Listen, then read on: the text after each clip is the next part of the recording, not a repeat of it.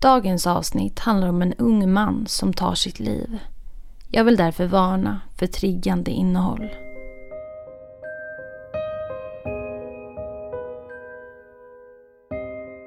Året är 2014. 18-åringen Conrad Roy hittas död i en svart Ford på en parkeringsplats. Den unge mannen har tidigare försökt ta sitt liv och den här gången verkar det som att han faktiskt lyckats. Men när polisen undersöker Konrads telefon finner man något som sticker ut. Du ska nu få höra om ett rättsfall som blivit enormt uppmärksammat i medierna. Ett fall som troligtvis inte liknar något som du tidigare har hört. Du lyssnar på Värsta morden. En podcast av Saga Lindqvist Brinkhorn. Den här berättelsen handlar om en tonårsromans mellan Conrad Roy, född 1995, och Michelle Carter, född 1996. En romans som slutligen skulle leda till döden. Vi befinner oss i Florida, USA. Året är 2012. Conrad har åkt till Florida tillsammans med sin familj för att hälsa på sin gammelfaster under tiden som Konrad och hans familj befinner sig i Florida är Michelle Carter också där. Hon är där tillsammans med sin familj för att hälsa på sina morföräldrar. Michelle och Konrad befinner sig i samma del av Florida och när de blir introducerade för varandra bestämmer de sig för att ha en cykeltur ihop. Och cykelturen ska förändra mycket. De cyklar längs med Floridas stränder och där och då fattar de båda tycke för varandra. Kort därefter blir de tillsammans. Michelle har vid ett senare tillfälle berättat för Konrad att det var just under den där cykelturen som hon blev förälskad i honom. Michelle och Konrad bodde båda i Massacutes men trots det träffades de bara fem gånger under tiden som de var tillsammans med varandra. Vid betydligt fler tillfällen planerade de via sms att träffas på riktigt. Men ofta var det någon av dem som drog sig ur i sista stund.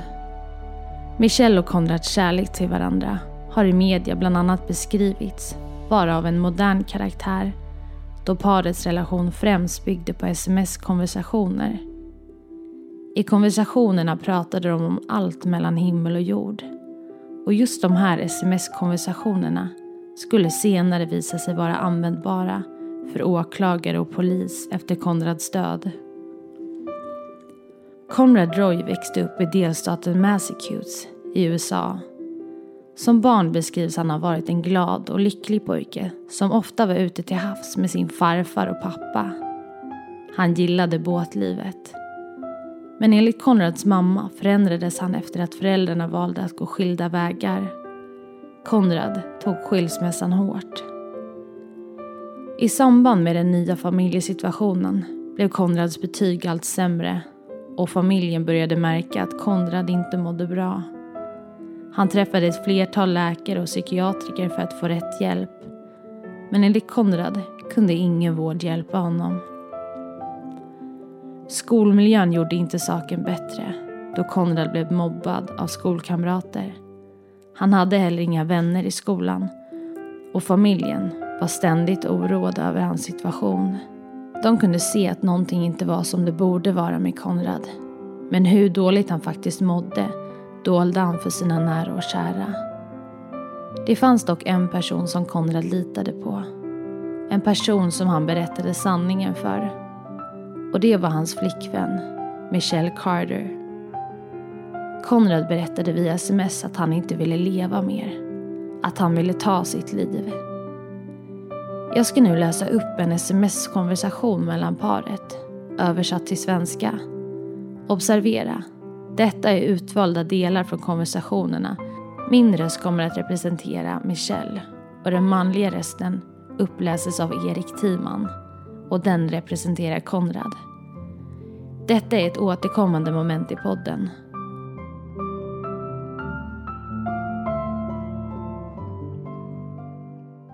19 juni 2014. Men mentalsjukhuset skulle kunna hjälpa dig. Jag vet att du inte tror att det skulle hjälpa.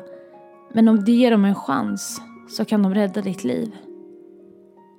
Det hjälper inte. Tro mig. Så vad ska du göra då? Fortsätta att bara snacka och inget händer och varje dag säga hur mycket du vill ta livet av dig? Eller ska du försöka att bli bättre? Jag kan inte bli bättre. Jag har redan bestämt mig. När Konrad gått ut high school tar han skepparexamen. Hans farfar är stolt över honom och familjen trodde sig se att Konrad nu mådde bättre. Han hade ett annat driv och verkade vilja komma ut i arbetslivet och bli vuxen på riktigt. Men Konrad, han mådde fortfarande dåligt. Här kommer återigen en sms-konversation mellan paret. 23 juni 2014. Hur vill du skada dig själv? På något sätt. Jag vet inte än. Snälla, gör det inte. Jag hatar mig själv. Jag har alltid hatat mig själv. Hur ska det hjälpa dig att skada dig själv? Inget. Det kommer att göra allt värre. Få smärtan att försvinna som du sa. Det kommer få smärtan att försvinna kortsiktigt. Men när du är klar kommer du att ångra det och känna dig mycket sämre. Michelle fortsätter i fler sms att försöka få Konrad till rätta. Hon säger att om hon varit i hans situation hade hon sökt hjälp. Men med tiden förändras Michelles inställning till Konrads planer. 7 juli 2014. Men det finns fler sätt att få tag på kolmonoxid. Googla på hur man gör det. Oh my god. Vad? Portabel generator. Det blir det. 8 juli 2014. Så är du säker på att du inte vill ta livet av dig själv ikväll? Vad menar du med är du säker? Alltså, kommer du absolut inte göra det ikväll? Jag vet inte än. Jag berättar för dig när jag vet. För jag stannar uppe med dig om du vill göra det ikväll. En annan dag skulle inte skada. Du kan inte hela tiden skjuta fram det. Det gör du hela tiden. Den 13 juli kontaktar Konrads familj polisen och anmäler Konrad som försvunnen. Konrads mamma berättade i en dokumentär att hon visste att något var fel den där morgonen när hon vaknade och Konrad var borta. Hon säger att hennes Konrad inte var den typen av kille som bara försvann sådär. Därför var hon säker på att något hade hänt. Polisen letar efter en svart Ford pickup som Konrad dagen innan kört iväg i. Och slutligen finner man den svarta Forden på en parkeringsplats. I bilen finner polisen en avliden man som senare ska visa sig vara just Conrad Roy. Där och då trodde sig alla veta vad som skett. Konrad hade försökt ta sitt liv förut, men den här gången hade han lyckats. I Konrads dagbok efterlämnade han ett flertal självmordsbrev till sin familj. Och en månad innan han tog sitt liv spelade han in en video på sig själv där han berättar om sin ångest och depression. Han beskriver det som att det tagit över hans liv. Han säger att det är något fel på hans hjärna. Den saknar serotonin. Poliserna som hittar Konrad på parkeringsplatsen väljer av en slump att plocka in hans mobiltelefon som hittas i bilen. Och när mobilen undersöks tittar utredarna bland annat igenom Konrads sms-konversationer. Konversationer som får utredarna att häpna. Ni ska nu få höra några utvalda sms som Michelle och Konrad skickat till varandra mellan den 4 till 12 juli 2014. Smsen handlar om Konrads planerade självmord. Du måste visa att jag har fel för jag tror faktiskt inte att du vill det. Du bara fortsätter att skjuta fram det till en annan kväll och säger att du ska göra det men du gör det aldrig. Jag är bara så känslig.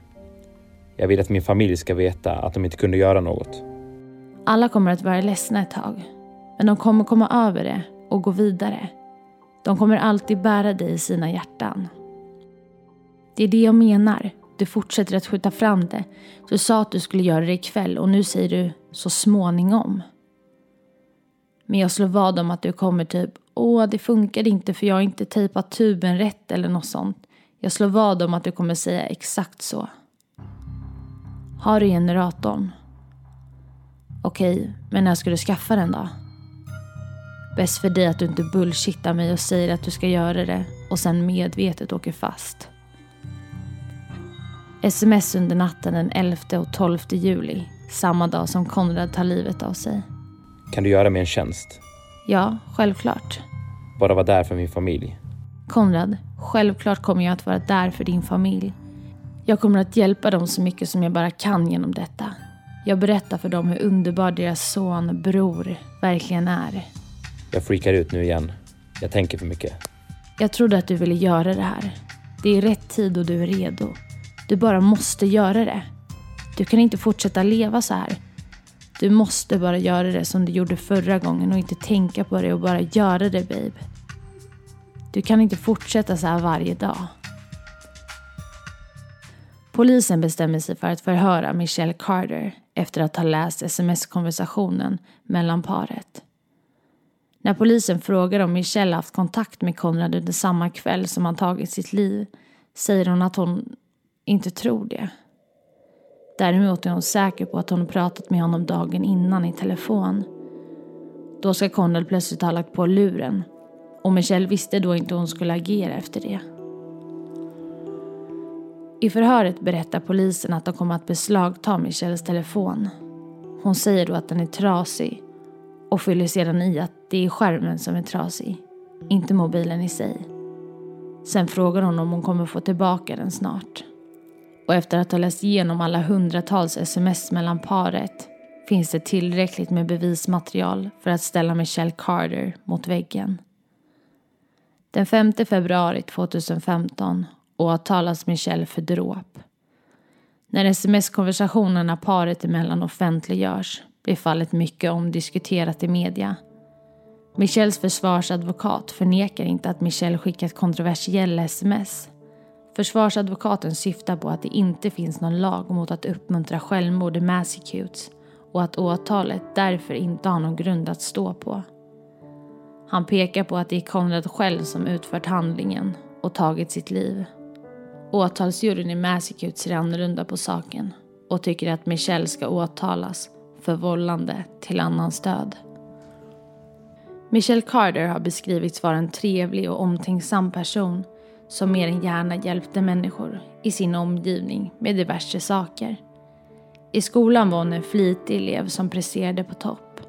Några av de vänner som hon umgåtts med i high school beskriver Michelle som en person som är i stort behov av uppmärksamhet. De berättar att hon ibland kunde skicka sms till dem oavbrutet för att hon ville ta del av deras liv. När vännerna tog lång tid på sig att svara skickade Michelle ibland fler sms i följd för att få ett snabbare svar. Åklagaren menar att detta uppmärksamhetssökande kan ha varit en del av vad Michelle gjort mot Konrad. Michelle hade inte så många vänner. I alla fall inte vänner som stod henne nära, menar åklagaren. Michelle har också under flera års tid lidit av psykisk ohälsa. Hon har vid upprepade tillfällen skurit sig själv och dessutom varit drabbad av en ätstörning. Under tiden som Konrad tar livet av sig äter hon antidepressiv medicin. I rättssalen kliver Konrads syster fram som vittne. Hon svarar på frågor som rör sms som Michelle ska ha skickat till henne under samma kväll som Konrad tagit sitt liv. En timme efter att Michelle inte hört något från Konrad skickar hon ett sms till systern och frågar om Konrads mamma vet var han är. Konrads syster svarar att ingen vet vad hennes bror är. Den 13 juli, samma dag som Konrad senare hittas avliden, smsar Michelle till Konrads syster och frågar om familjen hittat honom. Hon uppmanar också systern till att vara positiv. Men hon nämner inte att hon haft kontakt med Konrad under tiden innan hans död. Den 14 juli, dagen efter att polisen hittat Konrad, skriver Michelle följande, översatt till svenska, till Konrads syster. Jag finns här om du behöver mig, för att stötta dig och din familj. Kan jag hälsa på er imorgon? Senare skriver hon. Jag ser fram emot att träffa er. Tänker du hålla tal på begravningen? Ingen visste vid den här tidpunkten att Michelle uppmanat Konrad till att ta sitt liv. Konrads mamma berättar att hon såg Michelle som en omtänksam och kärleksfull person. Hon var glad att Konrad hade någon som henne. Aldrig hade hon kunnat tro att Michelle ställt sig positiv till att han skulle ta livet av sig. Men vad var det egentligen som hände den där kvällen i juli då Konrad tar sitt liv? Konrad har dött av en kolmonoxidförgiftning då han med hjälp av en gasmaskin fyllt sin bil med just kolmonoxid. När Konrad kände hur kolmonoxiden faktiskt gjorde verkan på honom blev han rädd. Han pratar under tiden i telefon med Michelle och kliver ut ur bilen. Michelle har efter Konrads död sagt följande till en vän, översatt till svenska. Hans död är mitt fel. Jag hade kunnat stoppa honom. Jag pratade med honom och han klev ur bilen för att det fungerade. Han blev rädd och jag sa åt honom att fucking gå in igen. För jag visste att han skulle göra om samma sak dagen efter och jag kunde inte låta honom leva som han gjorde längre. Jag klarade det inte. Jag kunde inte låta honom göra det. Just den här biten läser också åklagaren upp i rättegången. Vi är mitt inne i rättsprocessen av det här fallet. Konrad har tagit sitt liv och nu är det bara frågan om Michelle har varit en del av det som skett. Trots att eh, paret inte har träffat varandra vidare många gånger så pratar de ständigt med varandra via sms och ibland i telefon innan Konrads död. Efter Konrads död så skriver Michelle ett flertal inlägg på sociala medier. Hon skriver bland annat översatt till svenska Jag saknar min Konrad faller sönder lite mer varje dag. Du kan aldrig älska någon så mycket som du kan sakna dem. Önskar att jag kunde vara någon annan. Michelle anordnar också en turnering i minne av Konrad som fick namnet Homers for Conrad. Hon skriver till en vän, översatt till svenska. Homers for Conrad är på Facebook. Jag är kändis nu. Haha. Vi går vidare för att höra fortsättningen av det här fallet. Michelle har alltså sagt åt Konrad att gå in i bilen igen, vilket han gör. I rättssalen är försvarssidan tydlig med sin sak. Konrad var den som utförde handlingen och det är därför han som ska stå till svars för det som hänt. Åklagaren menar å andra sidan att Michelle hade kunnat stoppa Konrad från att ta sitt liv genom att inte säga åt honom att gå in i bilen igen. Michels försvarsadvokat säger i rättssalen, översatt till svenska. Han valde att sätta sig i bilen. Han valde att andas in ångorna. Det finns inga fysiska bevis för att Michelle har någon fysisk inblandning. Han säger att det inte finns underlag för hur vidare Konrad skulle tagit sitt liv oavsett de sms som Michelle skickat till honom. Försvararen tar bland annat upp Konrads Google-sökningar och yrkar på att det finns över hundra sökningar som hänvisar till destruktiva beteenden. Åklagaren säger å andra sidan så här, översatt till svenska. Satte han sig i bilen igen? Ja. Men det var hon som gav order om det med vetskapen om vad som skulle ske. En läkare får i uppgift att undersöka huruvida Konrads medicinering mot depression kan ha gjort att han varit suicid. Han åt under det aktuella tillfället antidepressiva läkemedel. En del antidepressiva mediciner kan öka självmordstankar. Men läkaren som bedömer Konrads fall menar att det absolut kan ha haft en hand med i spelet men att det inte är avgörande. Det är snarare de yttre faktorerna som spelar roll i detta fall. Michelle Carter tar också antidepressiva under tiden av Konrads död. Hon började medicineringen 2011, då 14 år gammal. Och en kort tid efter påbörjandet av medicineringen ställde hon sig på en stol framför en snara upphängd i taket i ett försök till att ta sitt liv. Försvarssidan plockar in en läkare som uttalar sig om Michelle. Han menar att både Michelle och Konrad blivit citat förgiftade av psykofarmat som de båda intog. Michelle bytte antidepressiv medicin den 2 juli och läkaren menar då att hon blev ofrivilligt förgiftad och hänvisar till de sms som hon skickat till Konrad i samband med medicinbytet. Läkaren menar att Michelle har försökt hjälpa Konrad till himlen. Hon har inte förstått att hon har gjort något dåligt. Hon tror att hon faktiskt kan hjälpa honom till himlen genom döden. När en annan läkare uttalar sig om samma sak anser denne att det är en väldigt liten sannolikhet att så skulle vara fallet. Michelle döms slutligen till vållande till annans död. Michelle ska avtjäna två och ett halvt år i fängelset varav 15 månader minst ska avtjänas. Resterande av tiden är villkorligt. Michelles försvarare överklagar domen. Under tiden som överklagandet ska behandlas behöver inte Michelle sitta i fängelset. Men den 1 februari 2019 avslås överklagan och Michelle sätts i fängelse.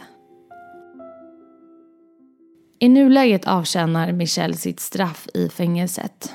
Men vad var egentligen motivet? Åklagarnas teori bakom motivet är att Michelle ville ha uppmärksamhet. I samma veva som hon smsade Konrad att köpa den här gasmaskinen så smsade hon också med några vänner och berättade att hon var orolig för Konrad och att han plötsligt försvunnit. Vännerna gav plötsligt Michelle uppmärksamhet, något som enligt åklagaren varit helt avgörande. Nu var Michelle tvungen att få Konrad död. Det skulle leda till ännu mer uppmärksamhet. Så det motivet som finns enligt åklagarsidan är att Michelle jagade efter uppmärksamhet. Inom försvarets sida syftar man istället på att Michelle ville hjälpa Konrad till himlen. Hon uppmanade honom till att ta sitt liv så att han skulle slippa det tuffa livet på jorden. Tack för att du har lyssnat.